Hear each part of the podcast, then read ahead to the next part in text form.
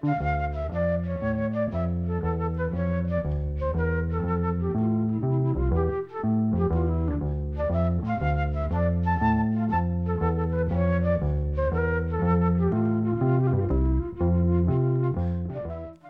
sæl. Margir heldu að söngvarinn Jónas R. Jónsson sem að hafði verið í hljómsveitunum Fláes og svo náttúru ætlaði að hætta að syngja þegar hann gerist vestlunastjóri fatavestlunarinnar Adam sem var til húsa í Kjallaranum í Vestuveri við aðarstræti fjögur í Reykjavík. Þessi vestlun var öðruvís en fólk átt að venjast því þarna voru ekki neini glukkar og engu líkar en að koma værið inn í eins konar helli eða svartól eða ég vil neðajarðarklubb í útlöndum því þarna var allt í frekar dökkum litum. En Jónas var aldils ekki hættur. Hann kom fram í sjómasútsendingu í Helsingi í Finnlandi hösti 1971 þegar fegurðar sangkeppni Norðurlanda var sjómarpa þar beint til Skandinavið þjóðana fjögura. Ísland var að sjálfsög ekki þar á meðal. Jónas steg fyrstur á svið og söng lag eftir Einar Vilberg og kom út á smáskífi hér á landi á vegun tónaútgáðunar. Á þeirri plötu var ellend lag með íslenskun texta á bakliðinni en lagið á fyrirlið kom reyndar ekki út fyrir en árið 1972 var Bólum frið lag og texti Einar Vilberg Hjartarsson. Það er bara tætið að byrja? Jájá, byrjuði því. Ok.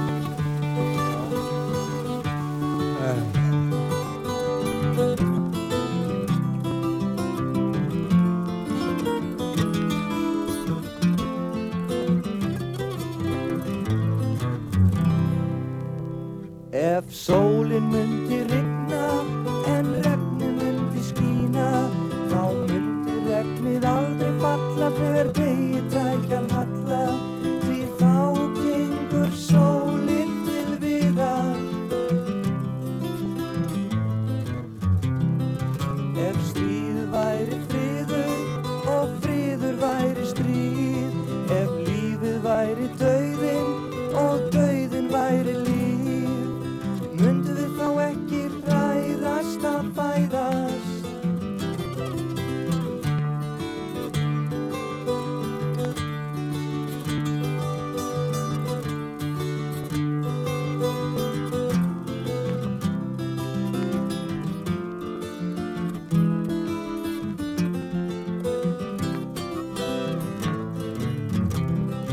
both so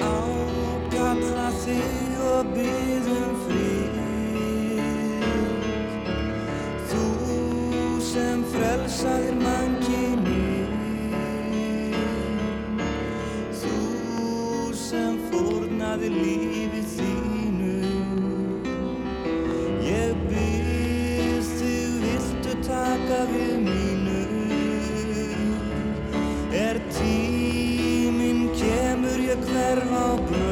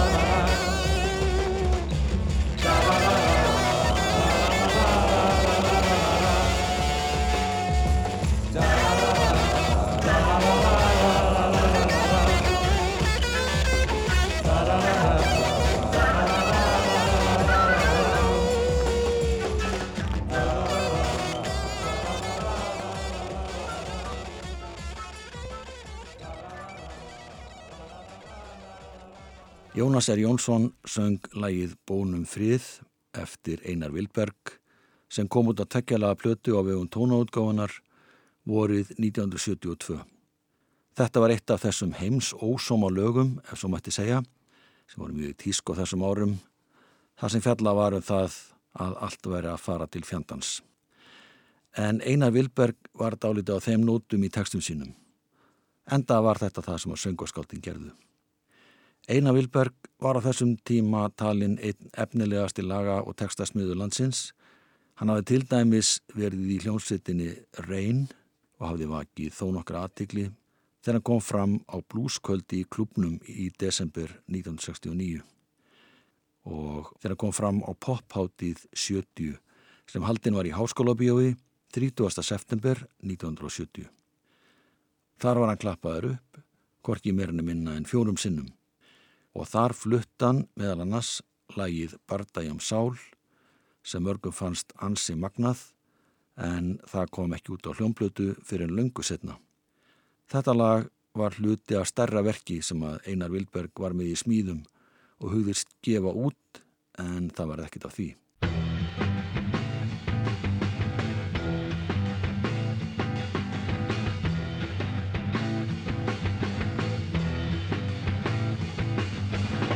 Sjáðu gullið, sjáðu meina.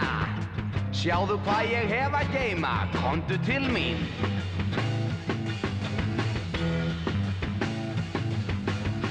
Þú sérða nautnin feikir faldi Hún er ætið á mínu valdi Vertu hjá mér.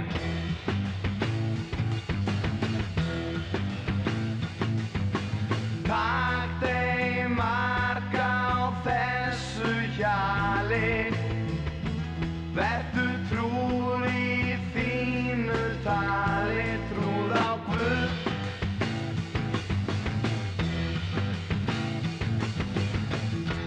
Nóga veistlu svalli, lítu núna mínu kalli, kondi kvelli.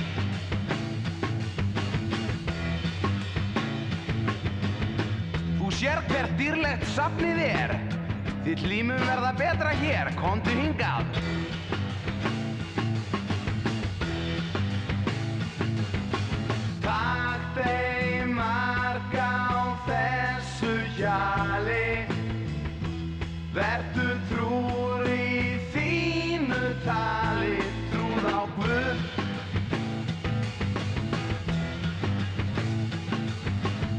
Ég skal gefa þér gull og græna skóa Og gleði nóa ef þú kemur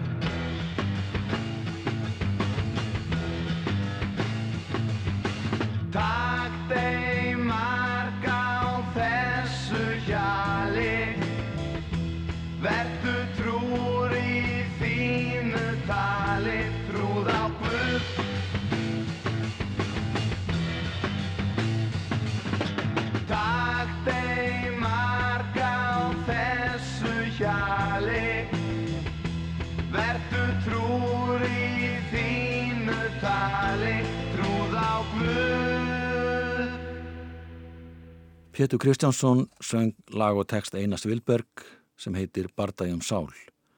Þetta lag var tekið upp úti í Breitlandi, nána tiltekið í hljóðverið á Regent Street í Lundunaborg. Ólafur Löfdal og Pétur Kristjánsson hafðu hlusta á Einar Vilberg spila og syngja lögin sín í partíi eftir ball í Glömbæ þann 15. oktober 1970.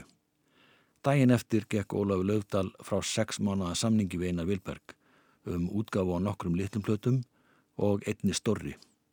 Þar með var ákveðið að Einar Vilberg, Pétur Kristjánsson og Ólafur Löfdal færu til Lunduna til að taka upp fjögur lög.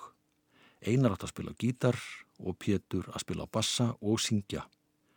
En þá vantaði trommuleikara. Pétur Kristjánsson vissi að Gunnar Jökull var að leiðinu til Svíþjóðar eftir nokkara daga. Og þeir hafðu samband við hann, Gunnar félst á að fara með þeim til Lunduna og taka upp með þeim þessi lög sem átti að taka upp þar. Þeir æfðu í tvo tíma áður en haldið var að stað til Lunduna, þánga komið þeir 19. oktober, gistu á hóteli sem að margir Íslendinga þekktu, gengu síðan eftir göttinni að Regent Street Studios og tóku þar upp fjögur lög á sex klukkustundum. Síðan var ætluninn að gefa þau út á tveimur litlum plötum. Þeir dvöldu í Lundunum í þrjá daga en heldu það vandi köpmanahafnar til að semja við pressufyrirtæki Parlofón um framlýsnuna á þessum tveimur litlu plötum. Pétur held reyndar beina leið frá köpmanahöf til Færiða en þanga voru félagar hans í náttúrum mættir. Gunnar Jökull fór aftur á móti til Svíþjóðar eins og hann hafði gert ráð fyrir. Einar Vilberg og Ólaf Laudal dvöldu nokkra dag í köpmanahöf og nutu þess ríkulega sem borgin við sundin hafði upp á að bjóða.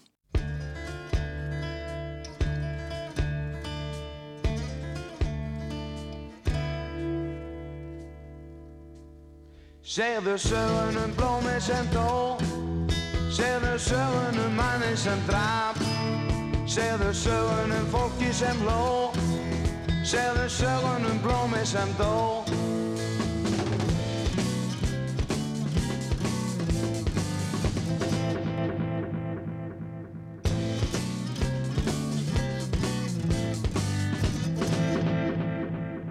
Segðu sögunum lífsgleði þína Segðu sögur um samvinsku mína. Segðu sögur um ofrið og óta Segðu sögur af fólki á flóta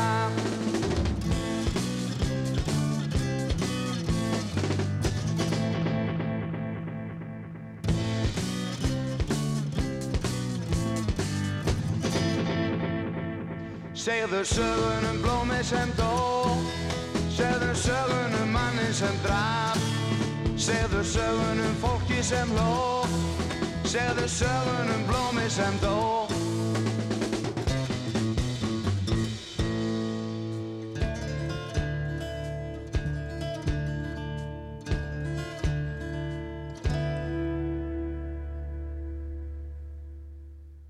Pétur Kristjánsson söng lagið Blómi sem dó, lag eftir Einar Vilberg, textin sömuleiðis.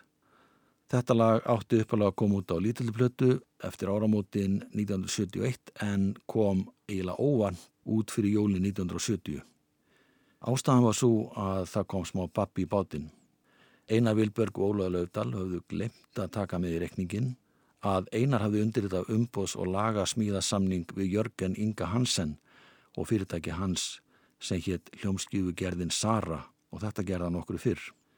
Einar var því í raun og veru samningsbundin og strántiltekið mátt hann ekki undir þetta samning við neitt annan, korki Jóla Lautalega neitt annan útgjöfanda.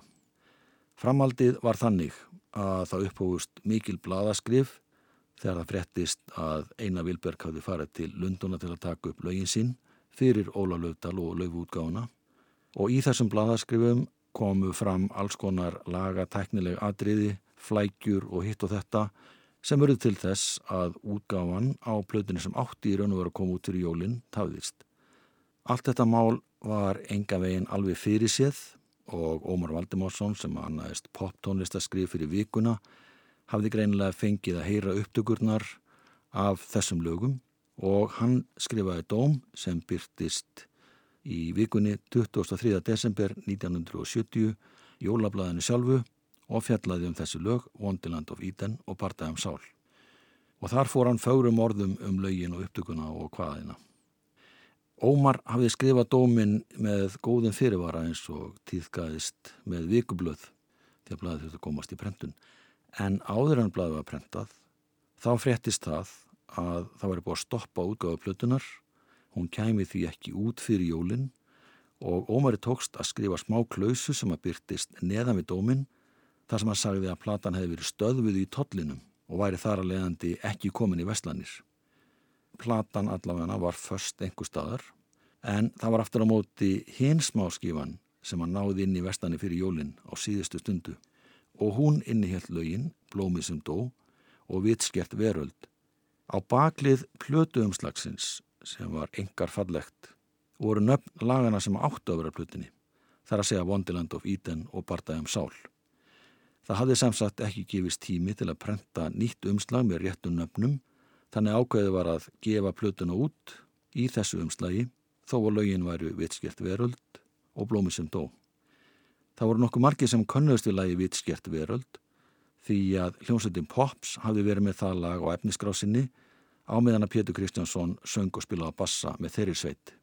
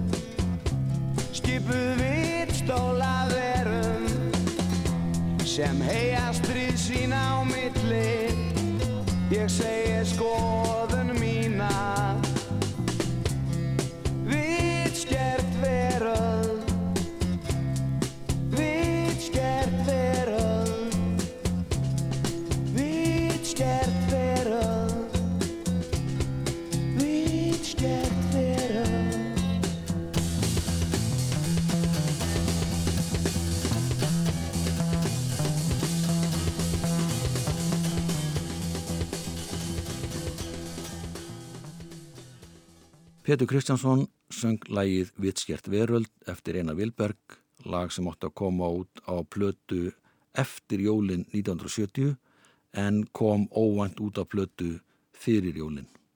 Pétur þekkti lægið mjög vel endaði hljómsveitin Pop sem hann hafi starfað með um árabil verið með þetta lag á prógraminu. Þegar þessi planta var gerð var Pétur hins var hættur sem bassalegari Pops og orðin forsöngari náttúru. Haugur Ingibergsson ritaði plötudóm sem byrtist í morgunblæðinu 7. februar 1971. Þar segir hann meðal annars, til vitnum hefst. Platan er tekin upp í London og í hljóðrutunin stór góð og söngurinn yfirgnæfandi.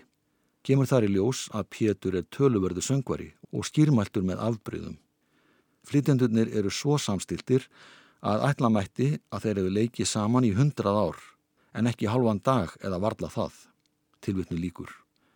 Á hinni hlið þessara smáskífu var lagið Blómi sem dó en á plötuumstæðinu stóð að lögin væru Bardaðum Sál og Wonderland of Eden eins og framkom áðan. Upptökunar af þeim lögum og plötunar sjálfar týndust hins vegar eða hurfu á einhvern dulaföllan hátt og komu lögin því ekki í leitirnar fyrir nokkrum áratugum setna. Það var mat þeirra sem sáu og heyrðu Einar Vilberg flytja þessi tvö lög á tónleikunum í Háskólabíu við lok september 1970 að þarna væri stór efnilegt söngvarskald á ferðinni og ekki spilti það fyrir hvernig hann spilaði á gítarin og fluttu lögin sín. Við fáum smjör þefan af þessu þegar Pétur Kristjánsson syngur Wonderland of Eden með Einar Vilberg sem leikur á kassagítar. Feeling good, I'm picking flowers in the wonderland of Eden. Flying in the air for hours, going every place I please. Living in the wonderland of Eden.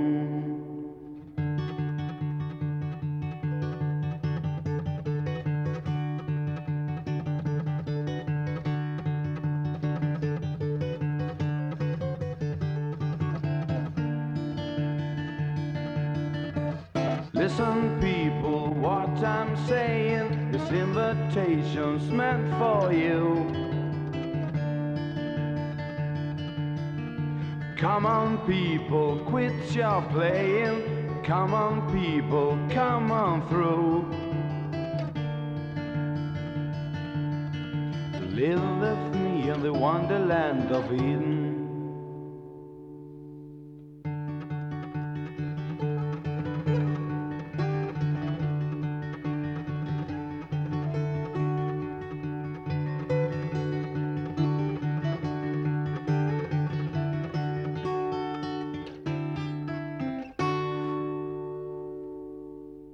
Pétur Kristjánsson og Einar Vilberg fluttilagi Wonderland of Eden sem snar passaði inn í þá tónlist sem var að riðja sér til rúms út um allan heim árið 1970. Einar Vilberg eignaði sinn fyrsta gítar 14 ára gammal og það var amman sem gaf honum hann. Hann byrjaði að æfa sig, fekk ekki neina formlega kennslu í hljófarleik en spilaði mikið með vinnu sínum þar á meðal Magnúsin okkurum og lærði mikið af honum. Einar var bóðið í hljómsveitina Beatniks sem var skólahljómsveit í Langholtskóla. Hann var ekki sjálfu nefandi í þeim skóla en það skipti yngu máli. Hann fekk starfið yngu að síður. Nokkru setna stopnaði hann á samt fleirum hljómsveit sem hitt Reyn og spilaði blues og poptónlist eftir ellend og höfunda. Og meðal þeirra sem voru með honum í þessari hljómsveit var trommuleikarin Steina Viktorsson sem spilaði til dæmis með Bendix. Einar Vilberg var um tíma gítarleikar í hljómsett síðan Eilíð, söngveri þeirra sveitar var Herbert Guðmundsson. En fyrsta platan sem kom út með lögum eftir Einar Vilberg var þeggjalaga plata, þar sem að söngkonan Janis Karol stegi sín fyrstu skref á útgóðabrytinni. Þessi plata kom út á vegum hljómskífi gerðarinnar Söru.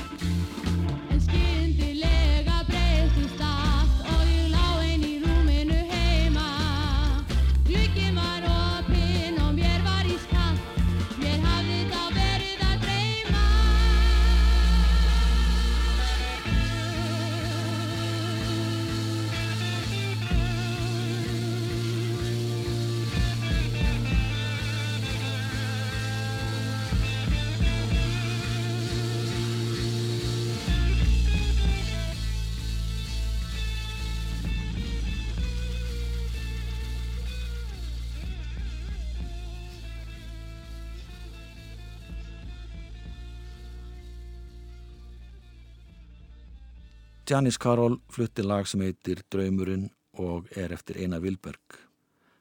Hann var líka höfundur lagsins Íhugun sem var að finna á hinni hlið þessara smóskifu. Þeir sem spiluðu með Janis voru Einar Vilberg sem spilaði á gítar, Tómas Magnús Tómasson, hann leik á bassa.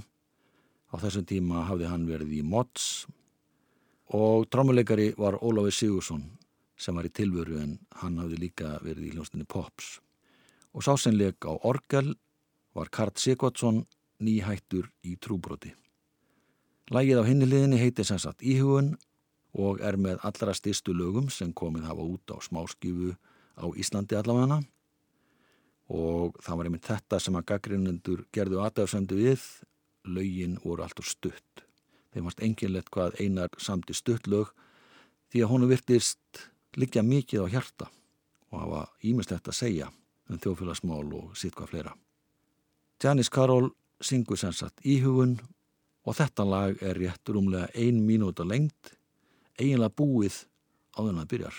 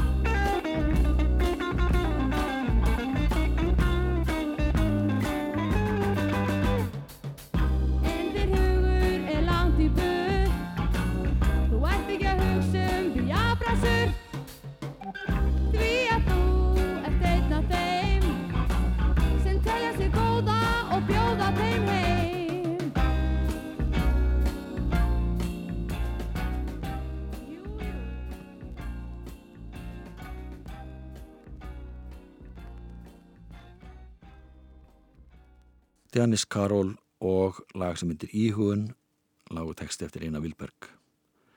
Þeir sem spiluði með henni voru trommarinn Óláfi Sigursson, bassalegarin Tómas Tómasson, orgelegarin Karl Sigvardsson og gítalegari var Einar Vilberg. Þar fregnir fóru á flug að Einar Vilberg væri að undirbúa stóra plötu sem ætti að heita Stríðsmessan, heilstift tónverk sem hafi verið lengi í smíðum. Elsta lagið var til að mynda orðið eitthvað um sex ára gamalt. Og Jörgen Ingi Hansen, sem tók sinna uppnafnið Jörmundur Ingi, sagði að annar lagið á litlublötunni sem átti að koma út fyrir jóli 1970 væri einmitt lag úr eldmessunni og þess vegna hefði hann stöðu á þessa útgáfu. Nú væri hort til þess að einari gefist tækifæri á að vinna þessari breyðskjöfu sinni fyrir hljómskjöfugerðina Söru. Einar spilaði mitt tvö lög úr þessu verki í sjónvastætti, það sem að bassalegarinn Tómas Tómasson og trommulegarinn Áskjör Óskarsson á samt orgelegarinn Þorstinni Haugsinni spiluði með honum. Þessi lög héttu Hátiðabrenna djöfulsins og Þyrningarðu Satans. Því miður hafa þessar upptökur ekki varðvist. Það varð ekkert að frekara samstarfi Pétus Kristjánssonar og Einars Vilberg Þeir fylgdu til dæmis plötinni ekkert eftir, enda var Pétur forsangveri náttur á þessum tíma og hafði því öðrum hnöppum að neppa. Einar Vilberg tók hins vegar upp samstarfi Jónas R. Jónsson. Jónas hafði einmitt stopna nátturu og verið söngvar í þeirri hljómsitt á undan Pétri. Jónas hafði tekið að sér að reyka fataveslunna Adam þegar hann hætti nátturu og virtist vera leiðin út úr tónlistinni. Það var þannig að Einar Vilberg og Jónas hittust Einar var með gítarinn, spilaði nokkuð lög fyrir Jónas. Jónasi þótti mikið til koma og tók eitt þessara laga upp á sína arma. Hann var þá með samning um að gefa út smáskífu á vjóðum tónuútgáfunar. Þannig að þetta passa allt saman vel. Þetta var lagi bónum frið sem við herðum hérna í upphæðu þáttarins. Og samstarf þeirra Jónasar Einars gekk það vel að þeir fóru að fund forraðamanna fólkans og gerðu samning um stóra blötu sem þeir félagar gerðu saman.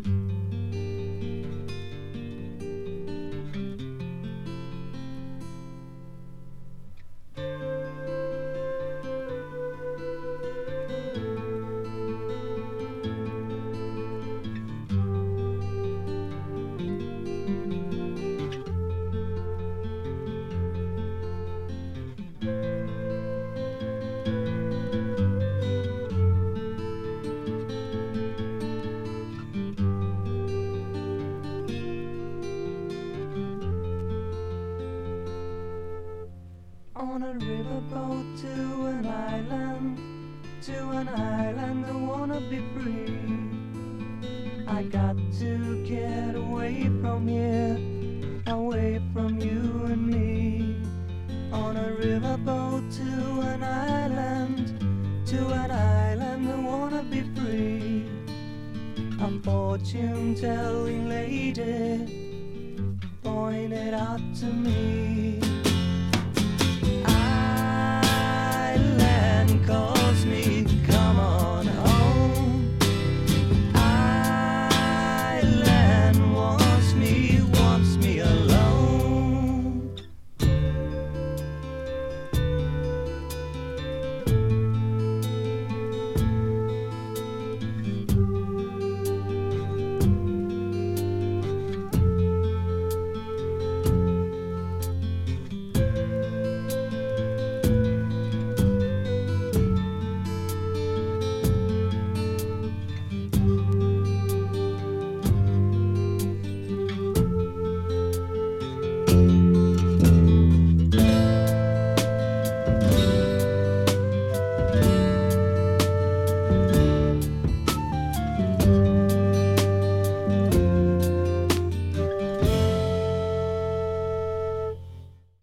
Jónas R. Jónsson söng og blés í þverflötu og Einar Vilberg spila á kassagítar í læginu Onna Röfubót, fyrsta lægin og tollaða breyðskifu sem er gerðu fyrir fólkan.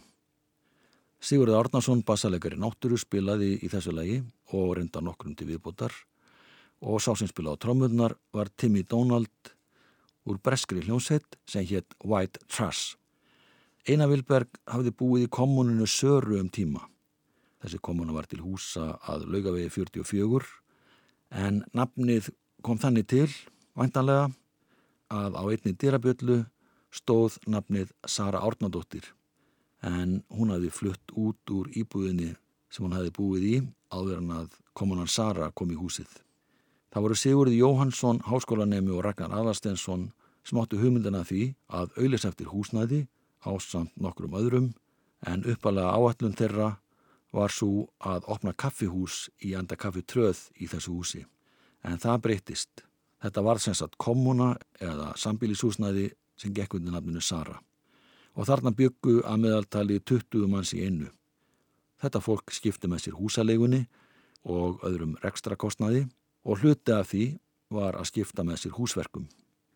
Einar Vilberg saði reyndar að hann hefði ekki tekið mikið þátt í húsverkunum. Hann hefði aðalega verið í því að semja tónlist og spila.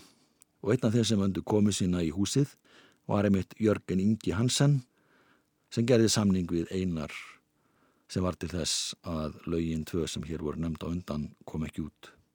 Einar notaði þessast tíman til að semja tónlist og texta á þessum mánuðum sem hann bjó í kommununni Söru og eitthvað af þessum lögum komið síðan út á plutinni Gypsy Queen sem hann gerði með Jónas R. Jónssoni árið 1972. Sweet Lady er eitt þessara laga og það er Einar sem syngur.